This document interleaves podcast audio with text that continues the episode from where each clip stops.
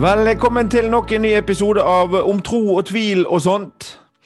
Takk eh, til alle dere som også denne uken har kommet med tilbakemeldinger, svart på konkurranser, kommet med innspill og til og med fått eh, oppfordring til en eh, gjest som eh, vi kanskje skal ha med seinere. Det er altså fantastisk å oppleve at man kan gi mennesker begeistring og gode opplevelser ved å dele egne tanker, og ikke minst mellom å ha samtaler med kloke mennesker som har artige innspill. Innspill som noen ganger har vi tenkt på det, og noen ganger så får vi en helt ny eh, vri inn fra sidelinjen. Utrolig spennende, og det er derfor vi gjør dette. Og jeg tar fremdeles imot forslag jeg til både gjester og innhold, så det er bare til å sende meg en e-post på davidalfakrøllgenius.no. david.genius.no.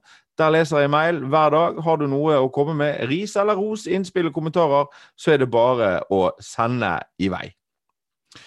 Så er det jo sånn at det er fremdeles to sitater som ligger til grunn for eh, tanken bak denne podkasten. Det ene er altså min eh, mormor, eller Mimmi, sitt sitat, som, sa, som var veldig sterkt troende eh, på Gud, en kristen, som sa at eh, hvis jeg tar feil, så har jeg allikevel hatt et godt liv, men hvis jeg har rett, tenk hvis jeg har rett. Og så er det da Henry Ford som sier om du tror du kan, eller om du tror du ikke kan, så har du rett. Og Grunnen til at jeg sitter her og snakker, er jo rett og slett at jeg tror at jeg kan begeistre mennesker til å ha bedre dager, sånn at livet blir et hyggeligere sted å leve. Og ifølge Henry Ford så har jo jeg rett. Og hvis det fremdeles er sånn at eh, du ser på der ute, og jeg begeistrer deg, så har jeg jo i hvert fall rett. Hjertelig velkommen skal du uansett være. Vi skal ta ukens konkurranse.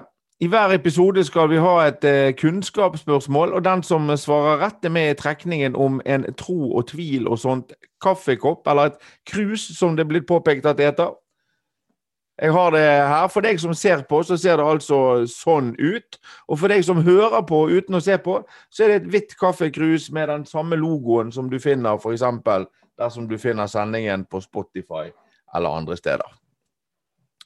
Spørsmålet forrige uke var hva er den neste kirkelige høytiden som kommer etter pinsen, og hvor lenge varer den? Og Nå etter pinsen har vi altså gått inn i kirkeårets lengste periode, som kalles for, eller heter treenighetstiden. Og Her inneholder det helt vanlige kirkesøndager, men også Sankt Hans og Olsok, og i gamle dager var her bots- og bededag. Og treenighetstiden den er såpass lang at den varer nå helt til advent, bare avbrutt av allehelgens søndag. Forrige ukes vinner han het Erik Tefre Skiple, og krus det overleveres ved første anledning. Denne ukens spørsmål er som følger. Hva het han som ble den nye tolvte disippelen da disiplene skulle finne en erstatning etter at Judas Iskariot var borte? Hva het den nye tolvte disippelen? Det vil jeg gjerne vite.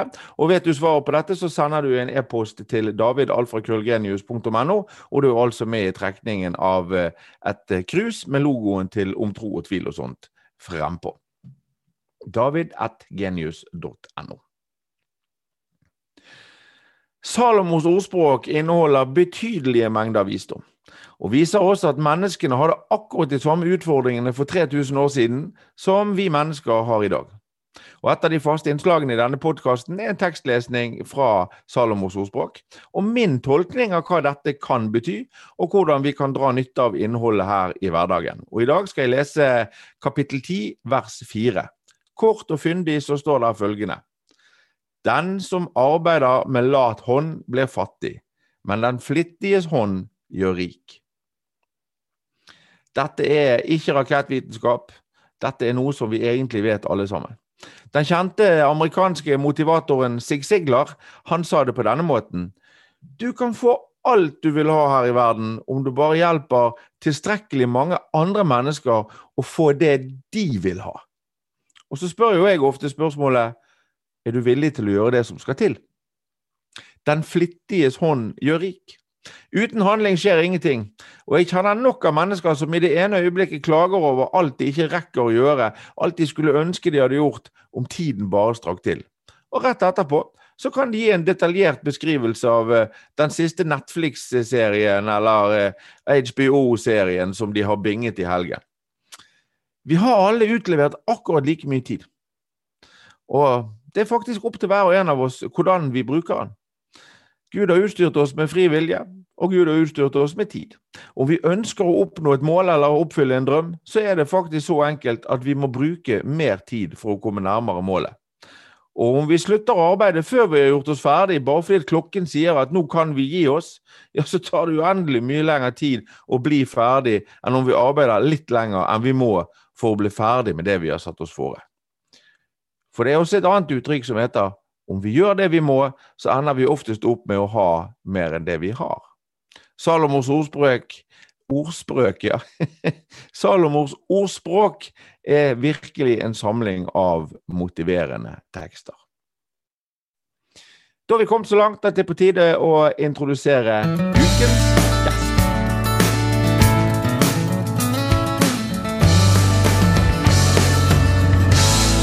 sitter jeg her sammen med damen med det klingende navnet Solveig Konstanse Algrøy Hjørnevik.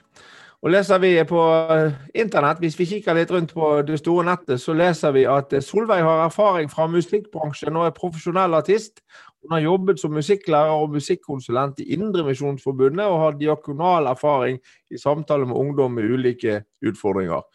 Og så ser vi på Facebook-siden til Solveig, så sier du 'Jeg er en dame med hjerte for musikk og underholdning'. Man kan vel si at jeg har mange baller i luften, og nå skal jeg prøve å sjonglere med dem alle.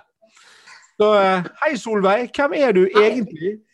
ja, da kan du si. Hvem er jeg egentlig? Det er jo noe med det der eh, å være så allsidig i personligheten. Det er jo mange som lurer på det. Nei, altså Jeg er jo på en måte en helt vanlig dame fra ytterst i havet på Allgreiene. Eh, jeg vokste opp på ei lite øy der det var jo ikke så mange folk om, som sloss om oppmerksomheten. Så da har jeg jo på en måte fått lov å ytre meg mye da, gjennom ja, både sang og musikk og andre ting. Så nå bor jeg på Anglevik på Sotra. Jeg har en mann og to barn og litt ekstra bonusbarn. Så det er veldig kjekt. Og akkurat nå så sitter faktisk jeg eh, her på Anglevik og kan se den eh, store brannen fra Sotra som får akkurat nå. Så det er litt spesielt å, å sitte her da, og kjenne på røyklukten i det som skjer i terrenget her utenfor. Men du er såpass eh, langt unna at ikke vi risikerer at noen banker på døren din og du må Nei. gå din vei? Nei, jeg tror vi er ganske trygge her, men det, det er selvfølgelig satt i litt perspektiv. Ja, det er jo klart det. Det gir en, gir en, noe å tenke på når vi vet at nå spiller til deg som hører på dette, så kan vi si at dette spilles altså inn på torsdag. Vi lanserer dette på mandag. Ja. Eh, men det er klart at det er da det er da noen hundre, om ikke til og med noen tusen mennesker etter hvert som evakueres. Og, og, det skjer her, rett rundt der vi bor. Det er klart som du sier, det gir oss jo et perspektiv på livet som blir litt spesielt. Ja, og jeg husker veldig godt tilbake til 2013, eller det var kanskje tidligere, jeg husker ikke helt hva årstallet var, men det var en stor brann på Sotra. Og jeg gikk i menigheten min, som jeg gikk i Tremorkirken, vi var på gudstjeneste en søndag. Og Vi måtte rett og slett bare forlate gudstjenesten, og alle var med ut og bidro til å slukke brannen. Så det er klart at det er mange tanker som kommer tilbake til eh, når du tenker på at vi forlot kirka og gikk ut for å slukke brann. Det er vel egentlig ikke da vi helst ville i en kristen setting. Vi vil tenne en ild, sant? ikke sant? Så det var jo litt morsomt akkurat da. Litt annen type ild, ja. ja. Men eh, og hva fordriver du dagene dine med? da? Du er artist, og det er jo ikke akkurat eh, det som har vært mest lukrativt det siste halvannet året. Så du har jo gått inn i en eh, annen bransje også. Fortell litt om det. Ja, altså jeg har jo de siste årene drevet mye med musikk og underholdning, og på en måte har levd godt med det. Så kom det jo en ganske brutal stopp, naturlig nok. og da måtte jeg tenke litt nytt. Og så har jeg jo da vært veldig mye og sunget i begravelser gjennom mange år, og har på en måte vært i den settingen. Og så hadde jeg en en som jeg jobber for, som sa at eh, du har ikke lyst til å prøve deg som gravferdskonsulent. Så da ja, måtte jeg tenke hvorfor ikke? Jeg er veldig glad i mennesker, og jeg eh, på en måte tenkte at kanskje det er en side av meg som nå er klar for å bli brukt. da. Mm. Så da eh, har jeg på en måte kasta meg litt inn i denne bransjen, og en ganske tøff bransje, vil jeg si. Men det har gått veldig fint. Og jeg vet ikke om det er lov å si, men man trives veldig godt med jobben. da. Eh, det må jo være veldig lov å si det. Det har vært mye, altså, det er mye kjekkere å trives enn å ikke trives. Men, men, det er klart at du lever da altså Du er jo, du er jo veldig, du er tydelig på at du har, du har din tro, du har ditt kristne ståsted, og, og, du har også, vet jeg, fått litt, eh, litt eh, hva skal vi kalle det for, juling av deler av kristenmiljøet pga. noen av yrkesvalgene du har tatt. Ja, eller ikke, kan, Ja, altså ikke pga. yrkesvalg, men kanskje mer det at jeg eh, på en måte gifte meg med en mann som hadde vært gift før. Det var vel egentlig der jeg fikk julingen min, sånn sett. Men det, det gjorde at jeg ikke kunne jobbe så mye i misjonsarbeid lenger. Men mm. det har jo åpna mange nye dører, som gjør at yrkesvalget mitt nå har på en måte kanskje åpna nye veier, og på en måte kanskje, kanskje veier jeg ikke hadde tatt hvis det ikke hadde skjedd, da, det som var vanskelig. Eh, så, så, tenker jeg jo som så at eh, det er klart at å leve så tett på døden gjør jo at jeg må tenke meg litt om når det gjelder troa mi. Altså det blir litt sånn jeg kan ikke bare ha en sånn naiv eh, holdning til det. Jeg må på en måte virkelig røske tak i trua mi og, og kjenne etter at liksom, tror jeg virkelig på dette her. Så det er, det er liksom vanskelig å ha et håp på en måte, når du ser veldig mange forferdelige ting som skjer. Men jeg, jeg, har jo også vært en del i begravelser det siste året, og, og jeg opplever jo at begravelser med kristent innhold har et håp. Mens disse humanetiske seremoniene de er jo fryktelig triste, for der er det ingenting. Der er det bare ferdig, og så er det ikke håp om noe som helst, og så er de bare døde. Vekk var de. Ja. Mm. Det er klart at jeg har, Når jeg har på en måte min personlige kristne tro, så vil jo jeg merke forskjell. Altså det er klart at Inni et kapell vi har som er livssynsnøytralt i Bergen, så er det sånn at korset henger på veggen. Men når vi skal ha en livssynsnøytral seremoni, så tar vi ned forhenget over korset. Det er klart at Det mm. merker jo jeg veldig godt på. da. Jeg kan kanskje føle at jeg merker litt på stemningen. Jeg merker det på hva som blir sagt om avdøde. Så det er veldig rart for meg det der at ikke man skal ha det håpet. da. Eh, mm. og Det er veldig rart når man synger salme i en begravelse som er fullt med håp sant? og lovnader. Så er det litt annerledes når du kommer i en livssynsnøytral, som jeg har full respekt for at folk velger. Men det er veldig annerledes da å tenke at det var livet. Det var det vi levde. Så eh, jeg må si at jeg syns kanskje det er godt å få være i en, i en setting der det, er, ja, der det formidles som håp. da. Men likevel, la, la oss spole litt tilbake igjen. I, i, i, I, Bibelen så står det veldig klart i Nytestamentet at, at uh, Gud har vist nåde, og Gud tilgir alt. Og at uh, vi har blitt, sånn som jeg tolker Bibelen, vi har blitt utstyrt med frie valg. Eh, og, og, Gud håper at vi bruker valgene våre til å velge rett osv. Og, så og, og vi gjør så godt vi kan, vi menneskene, og vi er syndere hele gjengen. Eh, men hvordan opplever du det da, når det er mennesker som stiller seg til doms over deg i en kirkelig sammenheng og sier det? Nei, du får ikke lov. Ja, altså Det har utfordret meg virkelig. Altså det, er, det har vært veldig vanskelig å på en måte Jeg er vokst opp i en kristen heim, jeg har vært med i ungdomsarbeid og barnearbeid. og på en måte virkelig vært hva skal det gå an å si, tungt inne i det kristne arbeidet, som jeg er mm. utrolig takknemlig for at jeg har vært med på. Eh, men vi er liksom litt opplært til å på en måte prøve å gjøre vårt beste for at de kristne lederne skal se oss.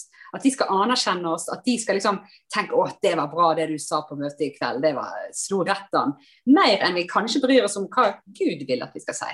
Mm. Eh, så jeg fikk meg egentlig sånn oppvekker, jeg fikk meg en, kanskje en smell i mitt kristenliv når jeg opplevde at måte, livet mitt ikke reflekterte det som var godt nok da, i den kristne tradisjonen kanskje, og sånne ting. Eh, opplevde kanskje at eh, mange vendte seg ryggen til meg, og det fortalte meg veldig mye om at eh, jeg stoler kanskje ikke så mye på mennesket, men at jeg må på en måte henvende meg mer til min personlige tro til Gud. da. Eh, og det var en, Jeg husker jeg snakket med deg om det en gang at eh, det var en biskop i Oslo som sa det, og da, det traff meg veldig. Det sa at eh, hun hadde aldri tvilt på Gud, men hun hadde tvilt på menneskene som trodde på han. Mm. Og det tror jeg på en måte vi kan ta litt med oss. Da, at vi, vi kjemper veldig med å liksom være god nok. Sant? Å være god nok kristen. være god nok, 'Å, nå sa jeg noe skikkelig fint på møtet', eller 'Å, nå lever jeg godt med livet mitt, og jeg er perfekt', og sånne ting. Men vi vet jo at det er ingen som har perfekte familier eller liv. Så vi trenger den nåden alle. Så det du sier med å sette seg til doms, doms, over alle, det har jo jeg kanskje lært. Da, at uh, når jeg går i en begravelse, og det er noen som har valgt en livssynsnøytral begravelse, så tenker jeg som så at ja, men det er ingen som vet hva som lever i hjertet til den avdøde. Og det er ingen som vet hva som lever i hjertet til oss alle. Så det er, det, der, det er egentlig ja. Det er der jeg har, jeg har, dette sitatet som jeg alltid åpner disse podkastene med, med min, min, gamle mormor, da, som sa, som jeg har gjort i mitt eget år, som sier hvis jeg tar feil, så har jeg likevel hatt et fantastisk liv, men tenk hvis jeg har rett. Sant? Ja, det er, det er, veldig sant. Og det er så enkelt. Og jeg også opplever jo altså Det tok mange år før jeg torde eh, å innrømme, hadde jeg nær sagt, både overfor meg sjøl og, og, ikke minst for de rundt meg. Og sånn, og, og det, det, å stå, ta et skritt frem og henge kors rundt halsen og si ja, jeg er en kristen. Eh, og det hadde jo bl.a. med dette her at, at, jeg lever i den verden som jeg lever, og jeg har levd det livet som jeg har gjort, og, og jeg også har hatt flere koner. Eh, og mm. hvordan i alle dager kan man da tillate seg, osv. Så, videre. så jeg måtte, jeg måtte finne fred med mitt liv og min fortid, og så måtte jeg tro på at Gud viser meg nåde. Og så måtte jeg, akkurat som du sier, så måtte jeg, så måtte jeg lære meg at det er ikke mitt ståsted og mitt liv og min tro handler ikke om mitt forhold til Kirken. Det handler om mitt forhold til Gud. Jeg tror at hvis mange flere griper akkurat det som vi snakker om nå, så tror jeg at eh, de tallene på antall kristne i landet vårt er mye høyere enn det de snakker om nå. For Det handler ikke om å være medlem av statskirken eller hvor ofte du går i kirka. Jeg tror det handler om alle mennesker har en form for egne frie viljer og tanker. Og det er så mange som sikkert tror på Jesus mer enn de tror.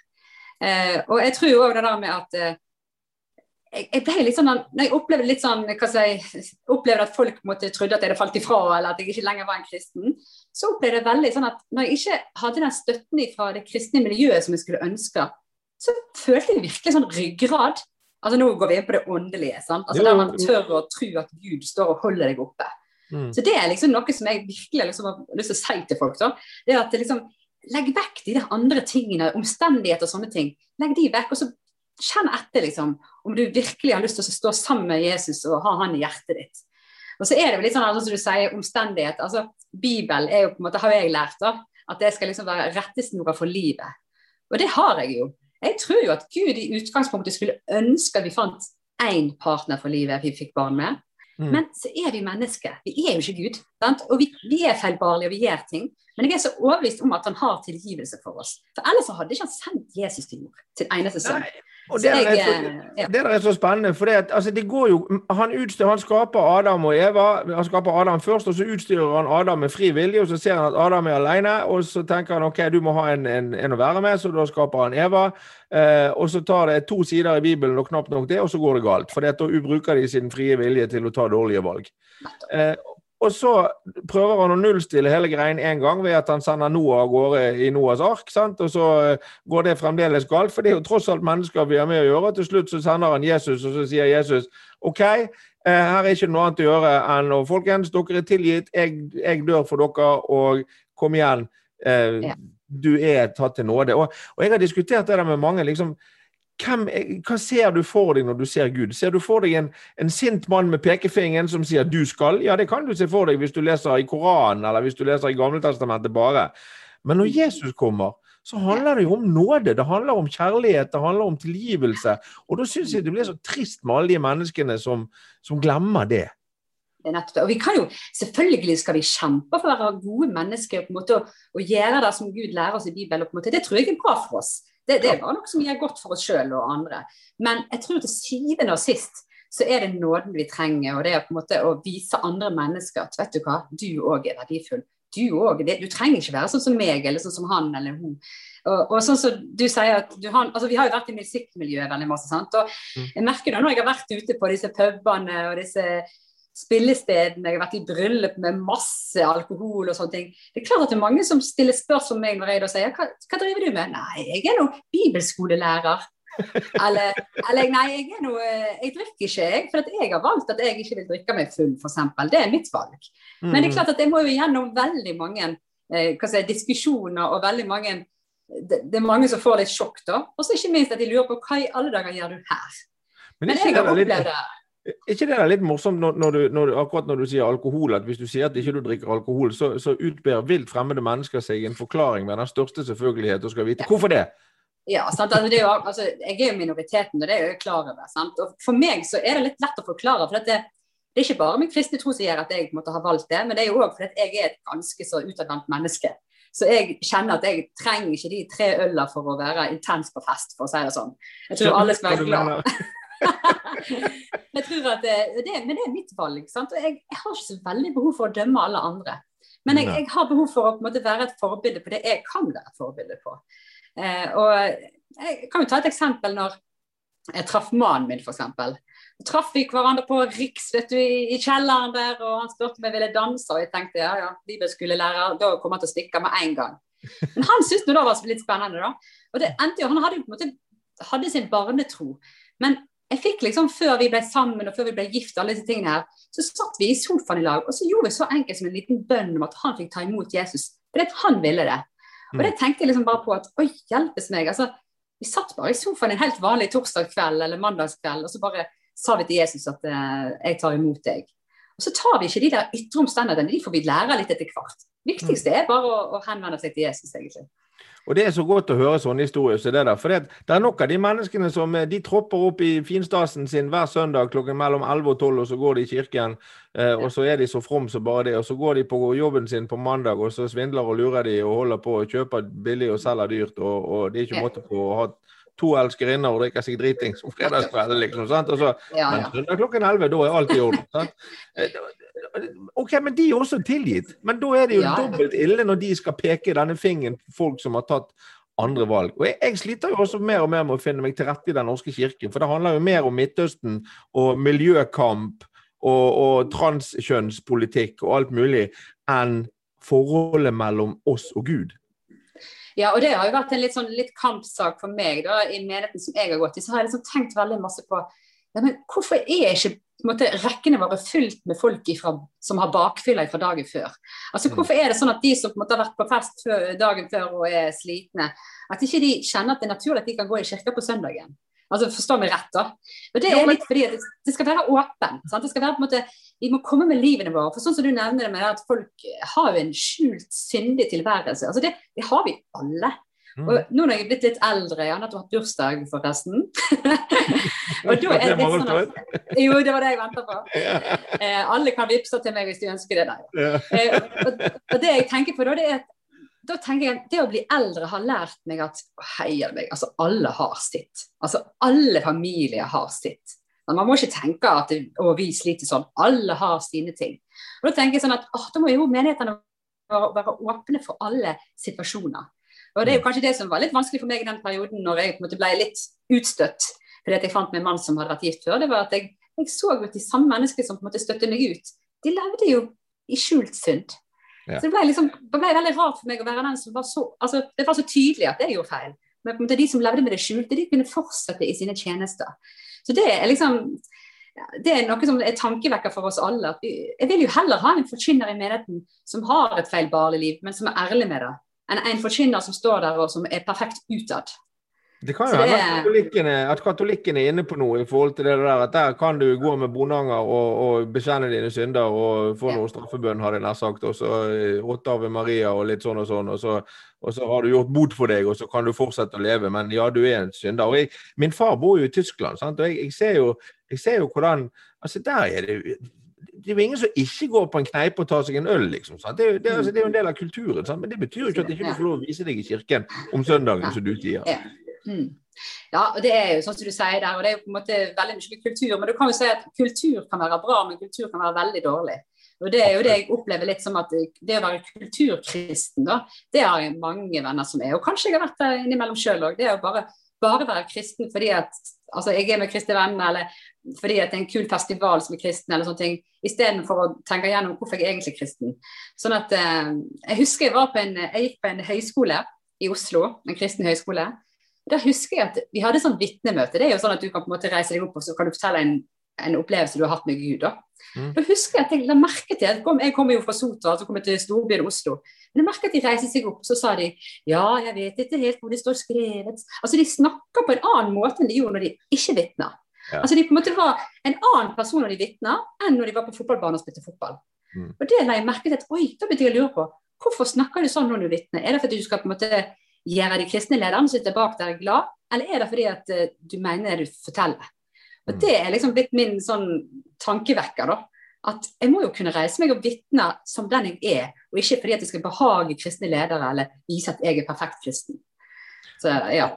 Ja, men det er jo det. Det er jo, det er jo personen Solveig, personen David, personen hvem det nå er. Det, det, er jo, det er jo relasjonen, forholdet mellom oss og Gud, det er jo det det handler om. sant? Og da må, jo, da må, vi jo, få lov å komme Og det, det blir vi jo oppfordret til. Bibelen. Mm. Komme med våre ting og legge de frem. Gå inn i vårt lønnkammer og be, som det står, og legge det direkte frem for Herren. sant? Og, og det, der, det, der, er jo et kjempeproblem, akkurat det du sier. For vi tror vi må oppføre oss på en måte for å bli akseptert. Jeg var så heldig å holde motivasjonsforedrag for en haug med, med, kirkelige ansatte for noen år siden. og Da, spurte jeg prestene sier, går du opp på prekestolen for at menigheten skal se på deg, eller for at du skal se på menigheten? Ja, det, ja, det er absolutt interessant det der, altså. Og det, vi trenger å riste litt i oss sjøl av og til. sant? Og og jeg ser jo da nå når jeg er i begravelse, så vil jeg jo tro at det er ikke mange begravelser jeg er verken kirkelig eller livsnøytralt, der det er mange som har et forhold til Gud. Men jeg tror veldig mange går inn i begravelse og begynner å tenke på det. Mm. De er mer åpne. Når de møter døden, så begynner de faktisk å reflektere sjøl. Oi, hvor står jeg i det hele? Uh, så jeg har opplevd veldig mange ganger når jeg har sunget i en begravelse, eller sånne ting, så er det folk som har kommet og sagt at de ble møtt av Gud. Sant? Som vi kanskje aldri har opplevd før. Så jeg tror at liksom, vi må holde oss til det enkle, og samtidig tenke at eh, til syvende og sist så er det jo ikke vi som på en måte kan styre hva som skjer om vi er i kirke eller ikke. Det kan skje i en begravelse. Det kan skje på puben hvis du møter et menneske. Det, mm. Men føler du, at, eh, føler du at du har si, støtte i Gud i forhold til når du må om, og, altså, du omgås jo så mange mennesker som har det vondt? sant? Føler du ja. at du får hjelp med å takle det? Er det er det sted å Ja, jeg opplever Jeg syns jo det er godt å kjenne at jeg har et personlig håp og en personlig kristen, men samtidig så er det jo det derre Man kommer ikke unna det meningsløse. Altså, det er så mange situasjoner jeg bare tenker dette her, dette her er det ingen mening i. Jeg forstår mm. deg ikke, Gud. Hvorfor i alle dager kunne ikke du redde dette barnet eller denne faren eller det, altså, denne dama? Så det mm. er, det er, noe jeg må kjempe med resten av livet. Jeg tenker som så at eh, Det var noen som sa det til meg at det liksom, du må aldri prøve å forstå Gud. Du kommer aldri til å gjøre det. Og Sånn har jeg på en måte landa litt nå. at liksom, okay, Jeg kommer ikke til å forstå eh, hva som var planen med dette, her, om det var en plan. Men jeg, måte, jeg tror at han er med oss igjennom det. sant?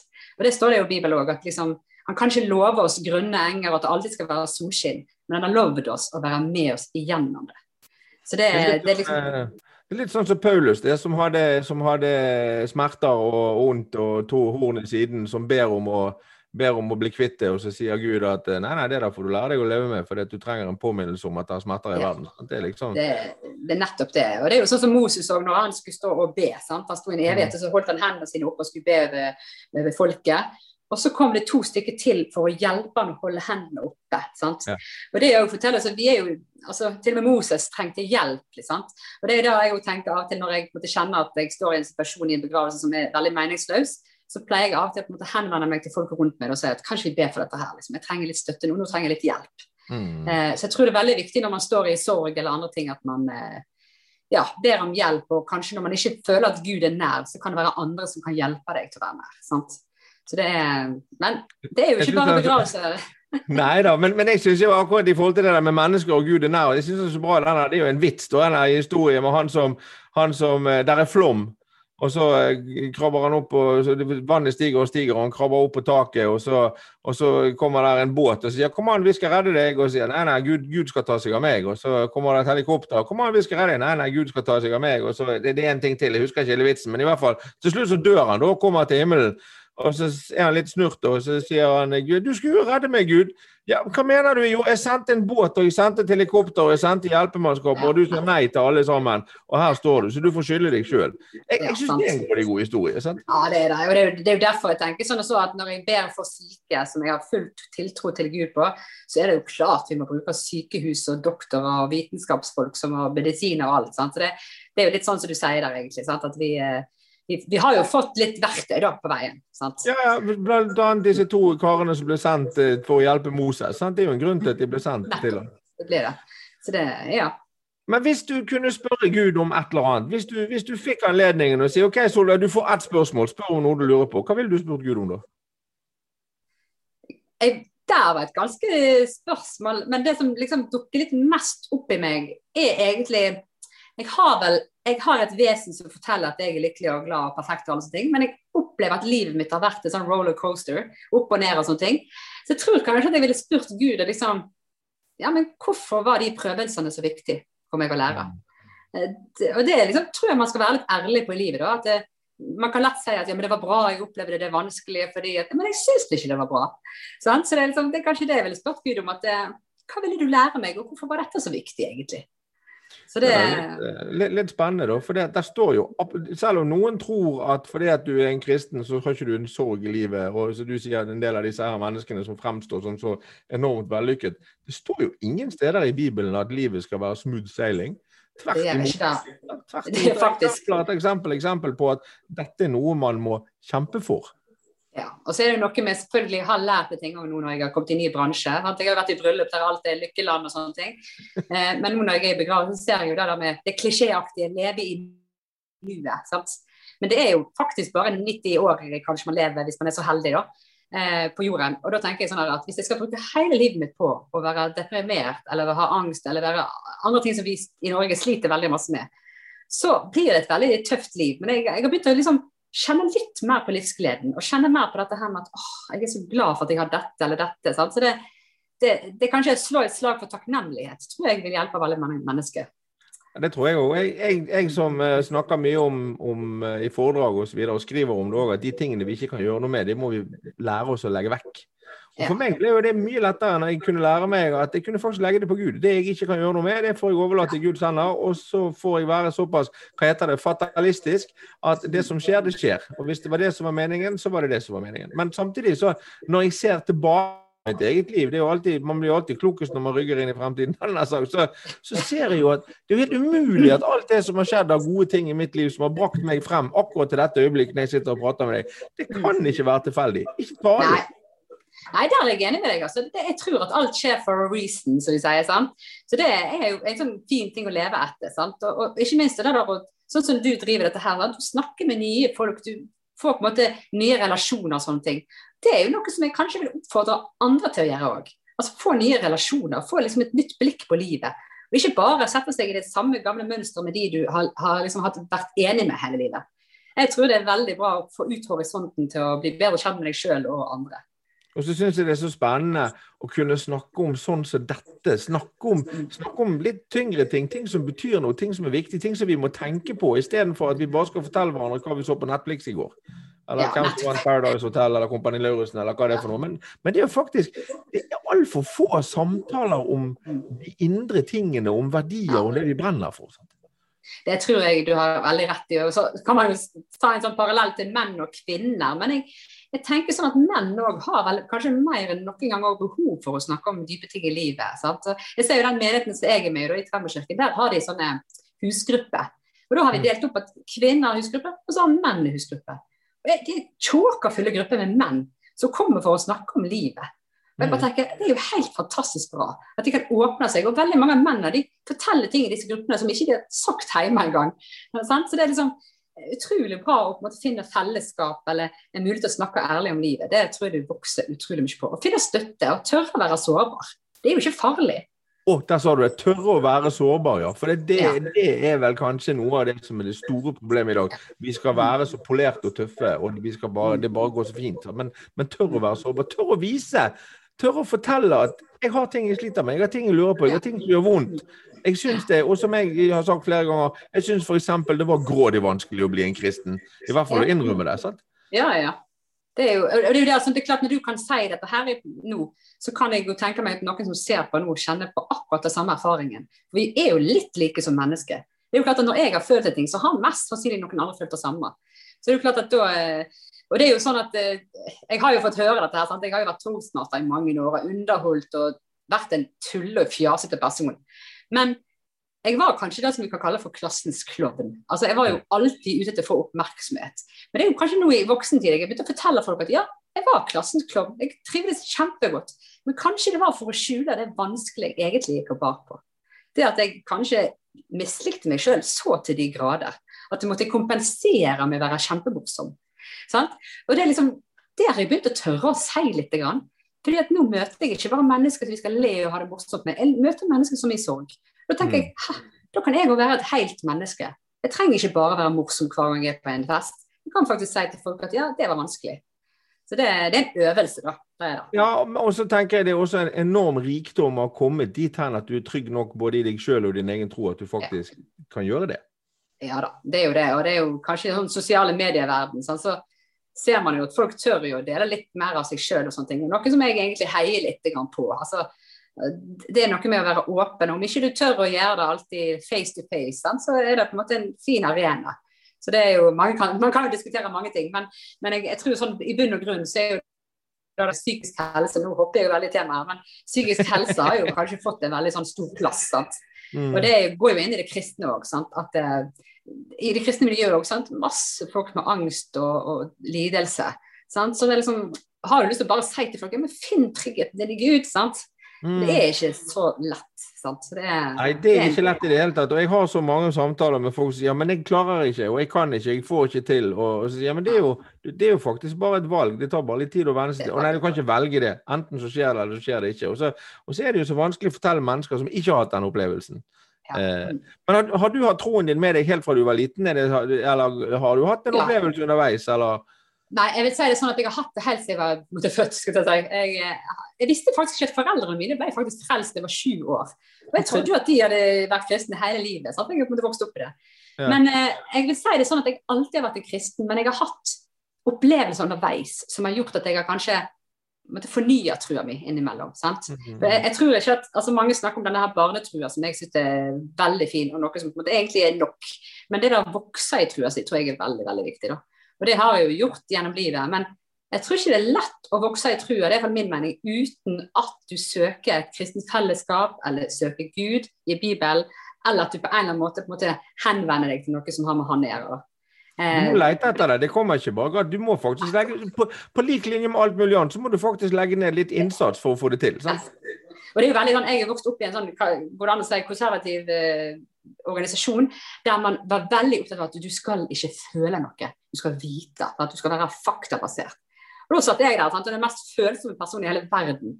Jeg opplevde at veldig mange av mine møter med Gud var følelsesstyrte. Ja, så jeg fikk, en, jeg fikk, en, erfaring med en sang for eksempel, som traff meg i hjertet. Så jeg er litt sånn jeg tenker at ja, til syvende og sist så er ikke det en følelse som sier at du blir frelst, for det er et valg. Men følelsene er med på å gjøre deg bedre kjent med ham.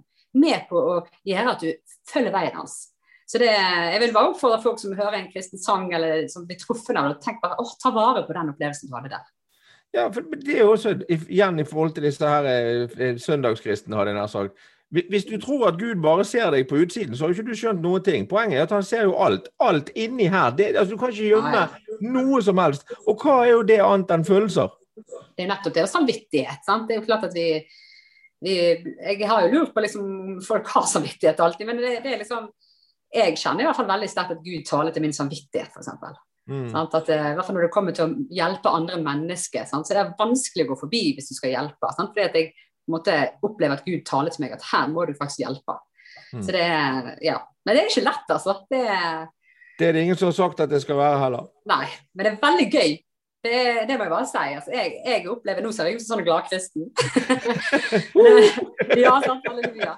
Men jeg, jeg, tror at eh, sånn som jeg fortalte nå, at, eh, at folk skjønner at eh, man er et helt menneske ved de kjempevanskelige dagene. Det, mm. altså, nå når jeg sitter her, så sitter jeg med en dundrende hodepine. Jeg har hatt en lang dag og er sliten og har sikkert kjefta ungene i seng. Men jeg bare kjenner likevel når jeg snakker med deg her nå, at jeg kjente på sånn takknemlighet. Da. Så det, ting kan snu. Det er sånn det er. det er sånn det. Og, da, og, og, så blir det jo lettere hvis man da har den evnen at man kan be om hjelp når det er vanskelig, og legge vekk det vanskelige når det er tungt. Så enkelt er det. Solveig, tusen takk for en fantastisk god prat. Dette var så kjekt. Jeg fikk du snakka litt innimellom, David. ja, sånn akkurat passelig, tror jeg. Det er jo tross alt, eh, det er jo tross alt et, både en samtale og et intervju, hva skal vi si. Men, men men vi har snakket om både tro og om tvil, og litt om sånt. Så det er jo eh, målet, hensikten oppnådd, for å si det på den måten. Og, og, Det kan godt hende at jeg har lyst til å ha deg med igjen, for dette her hadde vi jo sikkert ti forskjellige temaer som vi kunne brukt ja, masse, masse, tid på. Mm. Så nei, tusen hjertelig takk for at du tok deg tid til å være med. Og så snakkes vi igjen plutselig, vi. Absolutt. Da er vi uh, kommet til veis ende også i uh, denne episoden. Tusen takk til Solveig Konstanse for eh, at hun stilte opp og var gjest i dag. Takk til min sønn og nærmeste medarbeider Jørn Edvard, som kalles Lillemann, som produserer og har regi på disse sendingene. Det er også han som står for den grafiske innpakningen her, for deg som ser på. Og tusen takk til deg som tar deg tid til å lytte. Om du har innspill eller kommentarer, så er det altså bare til å ta kontakt med meg ved å sende en e-post på davidalfakølgenius.no. Og er du interessert i mer påfyll, så finner du det ved å besøke min webside david.genius.no. Der kan du både abonnere på nyhetsbrev, du kan eh, laste ned min gratis e-bok 'Vil du ha bedre dager', og du kan eh, kjøpe boken 52 og ja, masse forskjellig å gjøre der. david.genius.no. Vi er tilbake neste uke, og da skal vi snakke med artisten Kim Fairchild. Og I mellomtiden så ønsker jeg deg gode dager og lyser Herrens velsignelse. Herren velsigne deg og bevare deg. Herren la sitt ansikt lyse over deg og være deg nådig. Herren løfte sitt åsyn på deg og gi deg fred.